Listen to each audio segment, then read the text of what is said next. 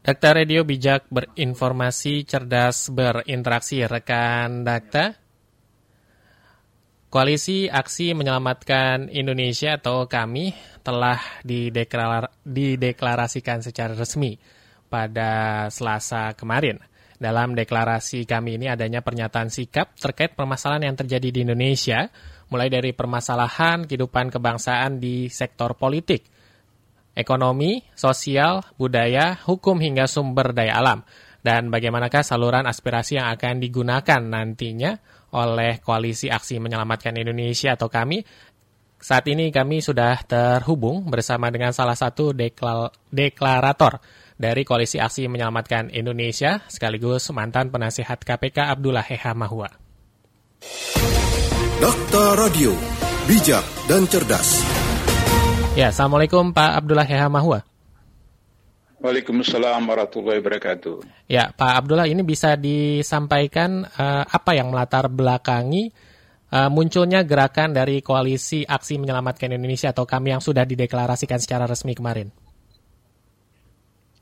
Ya, pertama saya sebagai mantan penyelenggara negara, empat tahun di KPKPN dan delapan tahun di PD KPK, jadi saya tahu persis bagaimana kondisi pembangunan negara yang itu kalau tidak diantisipasi secara positif dan dini eh, saya menduga sekitar tahun 2045, 2050 Indonesia itu berada pada empat alternatif. Yang pertama, Indonesia hilang dari peta bumi, tidak ada sama sekali, tenggelam. Yang kedua, kalau ditakdirkan tidak hilang dari peta bumi menjadi beberapa negara baru, Papua, Papua Barat, Aceh, itu kapan-kapan saja lepas Indonesia. Yang ketiga, kalau toh tidak menjadi beberapa negara baru, Indonesia akan menjadi satu jajahan dari superpower. Dan uh, ini sudah terjadi. Katakanlah yang butir kedua menjadi beberapa negara baru, itu mungkin saya tidak tahu berapa tahun lagi, tapi hari ini Indonesia itu sudah negara federasi. Jadi eh, dipahami, dihayati, dimengerti atau tidak, kita itu sudah negara federasi. Kenapa? Karena di dalam uh, sila keempat Pancasila disebutkan kerakyatan yang dipimpin oleh hikmah kebijaksanaan dalam permusyawaratan perwakilan. Jadi menurut sila keempat Pancasila itu adalah kita memilih wakil. Uh-huh. Wakil itu yang bermusyawarah, pada waktu musyawarah memilih presiden, wakil presiden. Kita milih anggota DPRD, anggota DPRD itu yang bermusyawarah memilih gubernur, bupati atau wali kota. Tapi yang terjadi sekarang adalah kita melakukan pilpres dan pilkada langsung. Itu melanggar uh, sila keempat. Dan dampaknya luar biasa. Dampaknya luar biasa. Coba Anda lihat data-data dari KPK. Dari 2005 sampai tahun kemarin. Ada sekitar 1000 orang berapa yang ditangkap KPK. 86 persen itu adalah sarjana. Okay. Baik S1, S2, S3, profesor, doktor, guru besar, dan seterusnya.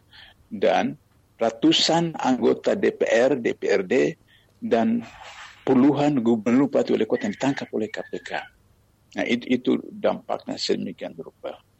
Kalau menjadi jajahan dari satu superpower, kita sudah lihat apa yang kita tidak impor.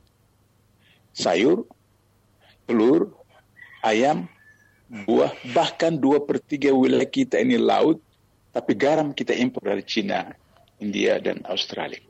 Jadi karena saya tahu betul 12 tahun di dalam kondisi seperti itu, kalau ini tidak segera diatasi, maka terjadilah apa yang saya katakan tadi, hilang dari peta bumi menjadi beberapa negara baru. Saya sebagai seorang kader atau uh, binaan uh, pendiri NKRI, Muhammad Nasir, karena NKRI ini adalah most integral dari Muhammad Nasir sebagai ketua fraksi Masyumi di, di konstituante, maka saya bertanggung jawab secara moral sebagai salah seorang kader beliau. Saya tidak ingin NKRI itu pecah belah menjadi beberapa negara baru atau kembali kepada negara federasi. Itulah sebabnya maka kemudian kita melakukan inisiatif untuk mempertemukan beberapa kelompok yang ada di Jakarta khususnya. Ada kelompok uh, purnawirawan seperti Gatot yang ya. uh, hampir setiap pekan mereka melakukan kajian-kajian. Ada kelompok uh, Din Samsudin dan kelompok yang setiap pekan. Ada kelompok kelompok Reja Ramli dengan kelompok yang setiap pekan begitu. Dan saya juga punya kelompok di kalangan alumni HMI. Maka kemudian uh, dua bulan lalu uh, kami berpikir bahwa bagaimana kita punya inisiatif untuk merajut semua kelompok-kelompok ini. Maka pertemuan-pertemuan dilakukan beberapa kali lahirlah kemudian apa yang disebut dengan kami itu. Hmm. Itu itu latar belakangnya. Seperti itu latar belakangnya. Ya, Pak Abdullah, ini banyak yang mempertanyakan kenapa penyampaian aspirasi yang dilakukan oleh kami ini tidak dibawa saja ke ranah legislatif bersama dengan partai-partai politik yang saat ini berada di DPR RI. Coba lihat, ketika Pilpres, penipuan, manipulasi, korban dan seterusnya begitu rupa. Yeah. Saya yang langsung menjadi korlap, saya langsung memimpin demonstrasi unjuk rasa di depan MK selama hampir lima hari. Apa hasilnya? Apa hasilnya? Saya sadar betul bahwa MK itu akan menolak. Saya tahu betul itu. Sebagai orang dalam uh, pemerintahan selama 12 tahun, saya tahu betul. Tiga orang itu punya presiden. Tiga orang itu dari MA tiga orang dari DPR. Nah kalau DPR berarti harus partai besar, praksi besar. Jadi saya sadar betul bahwa gugatan judicial review terhadap hasil pilpres itu ditolak MK.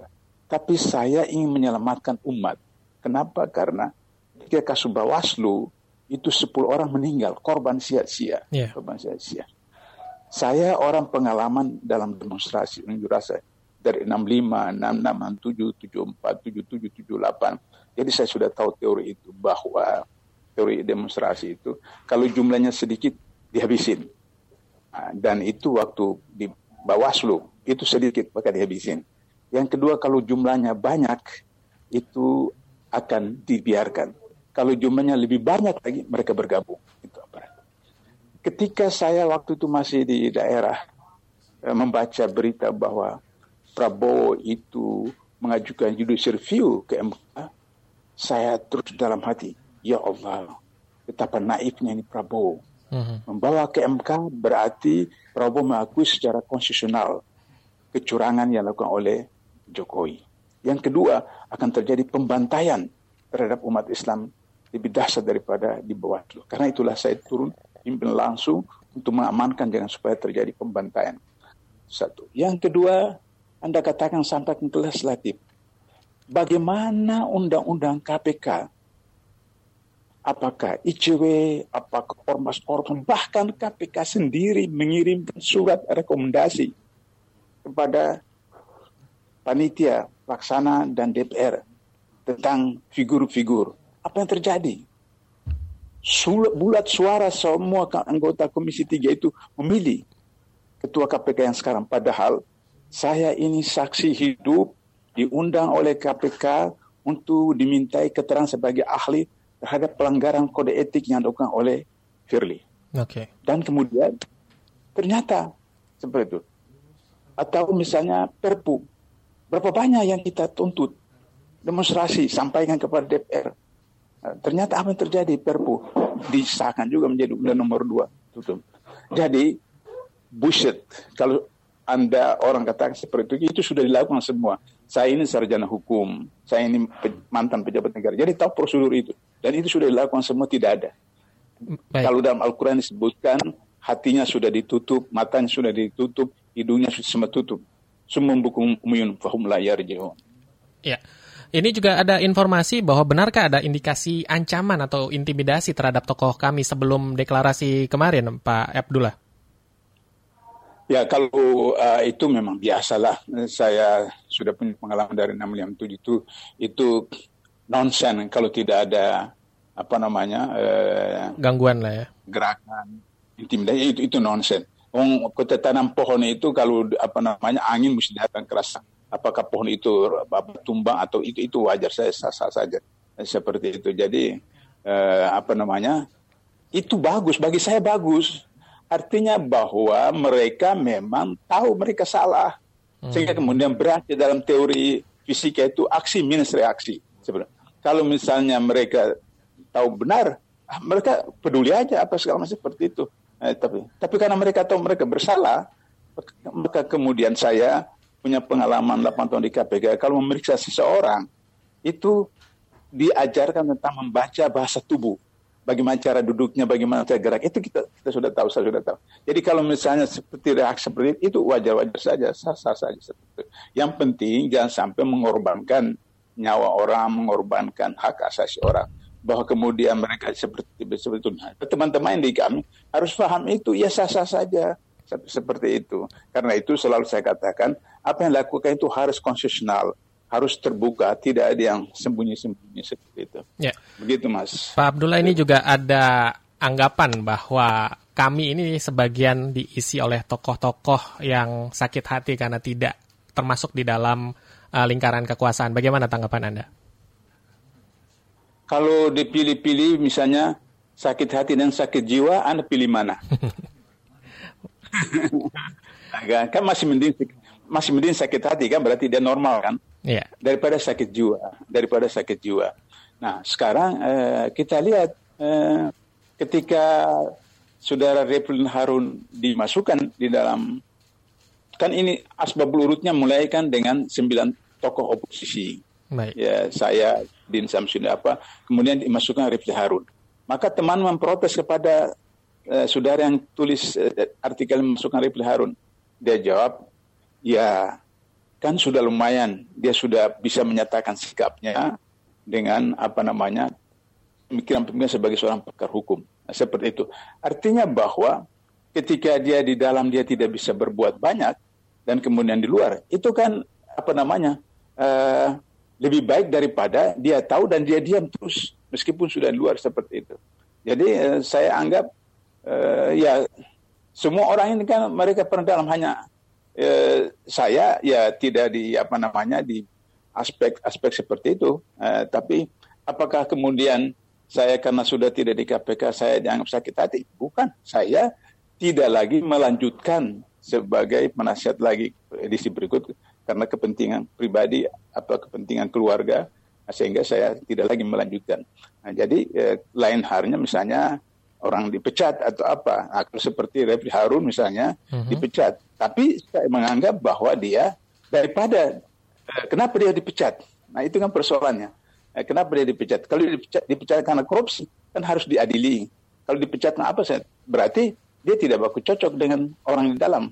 Nah, seperti itu. Sehingga berdosa dia kalau dia sudah tahu dan dia tidak kemukakan seperti itu. Jadi saya anggap eh, sah-sah saja seperti itu. Yeah. Pak Abdullah ini juga kalau melihat tokoh-tokohnya ini berbagai macam latar. Ada dari purnawirawan, ada Pak Gatot, ada dari tokoh muslim seperti Pak Din Samsudin, lalu juga ada tokoh ekonomi seperti Pak Isanuddin Nursi, juga ada pakar hukum tata negara seperti Pak Refli Harun. Apakah memang uh, penentuan tokoh ini uh, sudah dikelompokkan dari masing-masing sektor atau memang ada panggilan uh, panggilan moral seperti itu dari masing-masing tokoh untuk bergabung di dalam kami? Ya, pertama memang ketika kami berapa orang mulai awal eh, kami sepakat bahwa ini karena ini gerakan moral sehingga mewakili semua aspirasi.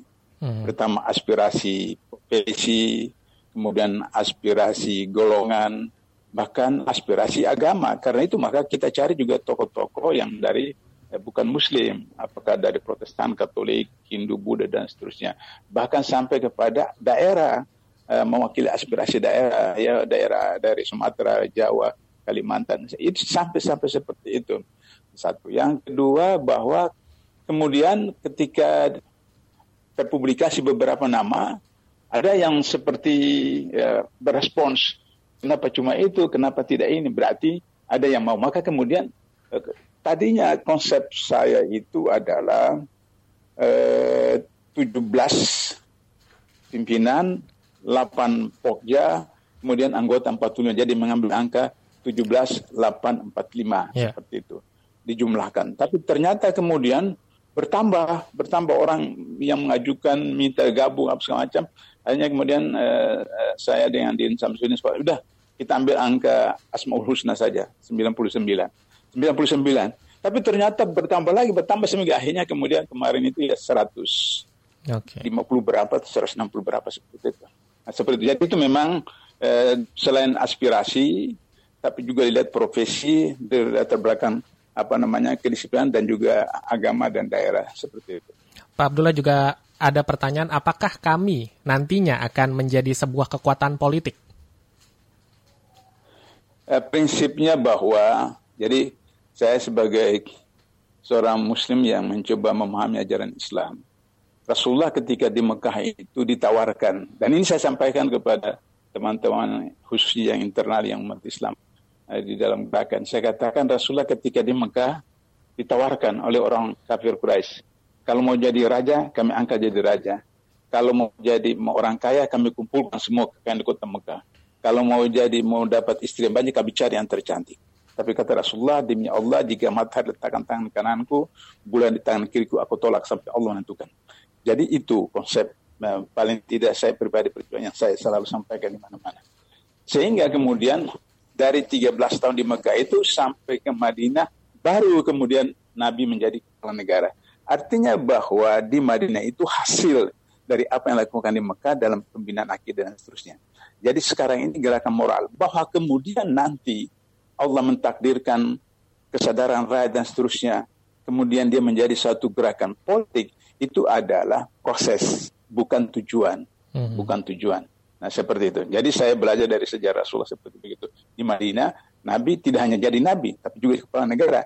Karena orang Yahudi, orang Nasrani juga datang kemudian menyerahkan diri, konsultasi dan seterusnya. Sehingga beliau juga sebagai kepala negara. Jadi, eh, sosiologi saja, sunatullah saja kalau dia jadi gerakan moral, kemudian menjadi gerakan ekonomi, gerakan politik, gerakan hukum Karena itu maka di dalam uh, apa namanya tuntutan atau pendapat pernyataan itu ada aspek ekonomi, ada aspek politik, ada aspek sosial budaya, ada aspek hukum dan ham, ada aspek sumber daya alam seperti itu. Hmm. Jadi sehingga dia bergulir secara sunatullah saja seperti itu. Jika gerakan politik itu nanti ad, adalah sebuah proses seperti yang Pak Abdullah katakan. Apa sebenarnya tujuan dari kami ini? Tujuan besarnya? Tujuan besarnya adalah menyelamatkan NKRI dari penyimpangan manipulasi industri. Misalnya contoh yang paling konkret. RUU HIP dan RUU BIP, BIP itu adalah kudeta konstitusi. Oke. Okay.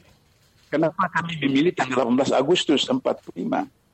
bukan tanggal yang lain karena 18 Agustus 45 itu ada resmi Pancasila, Undang-Undang Dasar 45, Presiden dan Wakil Presiden disahkan pada hari itu. Jadi hari Pancasila bukan 1 Juni. 1 Juni itu adalah pidato dari Soekarno di mana dari tanggal 9 tanggal 29 sampai tanggal 31 Mei itu ada 30 orang pidato. Yeah. Orang pidato. Tapi yang dipublikasikan kan cuma Soekarno.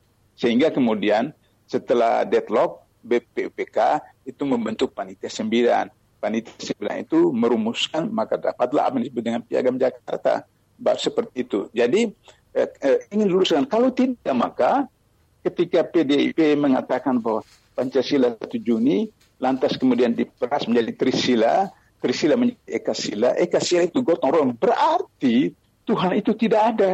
Uh-huh. Dan ini bahaya bagi bagi saya orang Islam. Ini bahaya, ini syirik, ini komunis seperti itu. Karena itulah maka kemudian saya katakan tidak ada pilihan lain. Bau mau jadi badar, kan mau jadi uhud, kan jadi apa, ini harus lawan. Karena ini eh, persis orde lama komunis seperti itu. Nah, itu itu bahaya itu dari segi konstitusi kita ingin selamatkan. Kemudian yang dari segi lain ya ekonomi dahsyat sekarang 82, sekian persen lahan di seluruh Indonesia bukan lagi milik bangsa Indonesia, sudah dimiliki oleh asing dan asing. Empat orang terkaya di Indonesia sama dengan 150 juta harta aset orang-orang miskin Indonesia. Itu luar biasa. Dari 10 orang terkaya di Indonesia, cuma satu yang muslim. Hmm. Ini negara mayoritas muslim. Tapi 10 orang terkaya di Indonesia itu hanya satu, nomor 10 itu satu orang muslim. Nah, ini berbahaya akan menimbulkan tentang menimbulkan suatu uh, dahsyatnya pergerakan perlawanan dan pemberontakan dan itu berbahaya sekali seperti itu. Nah, karena itulah maka kita ingin selamatkan supaya tidak terjadi pertumpahan darah yang besar seperti 65 dan seterusnya. Ya. Itu. itu Mas. Pak Abdullah, ini mungkin terakhir setelah deklarasi kemarin, apa langkah konkret selanjutnya yang akan dilakukan oleh kami? Pertama, apa yang disampaikan dalam 8 butir itu akan diekspor dalam bentuk eh, apa namanya bukti-bukti konkret, karya-karya konkret atau usaha-usaha konkret untuk disampaikan kepada semua pihak terkait, tapi juga akan dilaksanakan oleh masing-masing pribadi yang merumuskan itu. Seperti misalnya saya dalam sektor ekonomi, saya kampanyekan jangan ke mall, beli di tetangga, konversi deposito atau apa saja yang ada di bank dalam bentuk dinar dan dan apa namanya dirham atau emas atau perak. Jadi uh, dalam dalam aksi bahwa kemudian pemerintah laksanakan apa yang kita sampaikan itu alhamdulillah itu menolong menolong diri mereka sendiri dan menolong masyarakat. Tapi kalau tidak maka masing-masing dari 150 orang kan punya komunitas. Uh-huh. Mereka akan lakukan masing-masing masing-masing di tempat mereka sehingga terjadi perubahan dari bawah oleh masyarakat sendiri ekonominya, pendidikannya, politik. Misalnya tentang uh, pendidikan sekarang karena COVID-19. Ini bagi saya alhamdulillah kembali kepada pendidikan Islam. Pendidikan Islam itu ada pendidikan rumah. Pendidikan rumah. Bagaimana rumah itu harus menjadi pendidikan. Sehingga tidak hanya bergantung pada sekolah. Dan pendidikan itu dalam Islam itu ada belajar, bukan sekolah. Kalau sekolah itu ya harus dalam ruangan dengan kurikulum jenjang dari SD sampai kalau pendidikan belajar, wahyu pertama itu kan ikro itu baca, iya. bukan sekolah. Bukan baca, madrasah bukan ya? sekolah. Ya, bukan seperti itu. Nah, jadi eh, itu apa namanya eh, bisa kita lakukan secara bertahap ya mudah-mudahan eh, kondisinya akan menjadi baik bagi masyarakat kecil khususnya umat Islam. Sehingga kemudian kalau, kalau ini tidak maka saya pikir 2024 eh, kalau rezim ini berlanjut betul-betul kita akan jadi negara komunis. 2024, 2029 betul-betul jadi negara komunis kita seperti itu. Baik. Itu kepentingan. Baik. Mas, ya. Terima kasih Pak Abdullah atas waktunya berbincang dengan Radio Dakta dan juga semoga kami ini bisa menjadi alternatif uh, aspirasi bagi masyarakat yang sudah tertekan Baik. dengan kebijakan-kebijakan dari pemerintah. Terima kasih. Wassalamualaikum Baik. warahmatullahi wabarakatuh. Waalaikumsalam warahmatullahi wabarakatuh.